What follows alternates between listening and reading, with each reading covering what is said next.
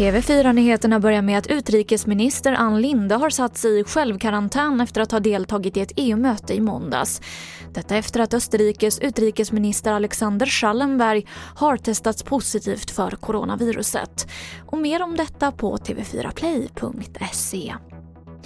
Italien har rekordmånga smittade i covid-19. Igår rapporterades 10 000 nya fall och det är den högsta dygnssiffran hittills.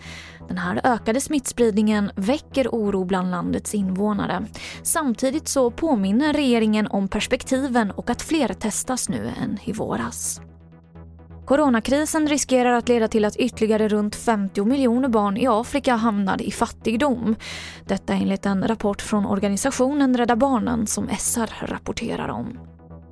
Och jag avslutar med att influensasäsongen närmar sig och i och med pandemin så tvingas vården ta fram nya rutiner för årets influensavaccination. Det här rapporterar Ekot.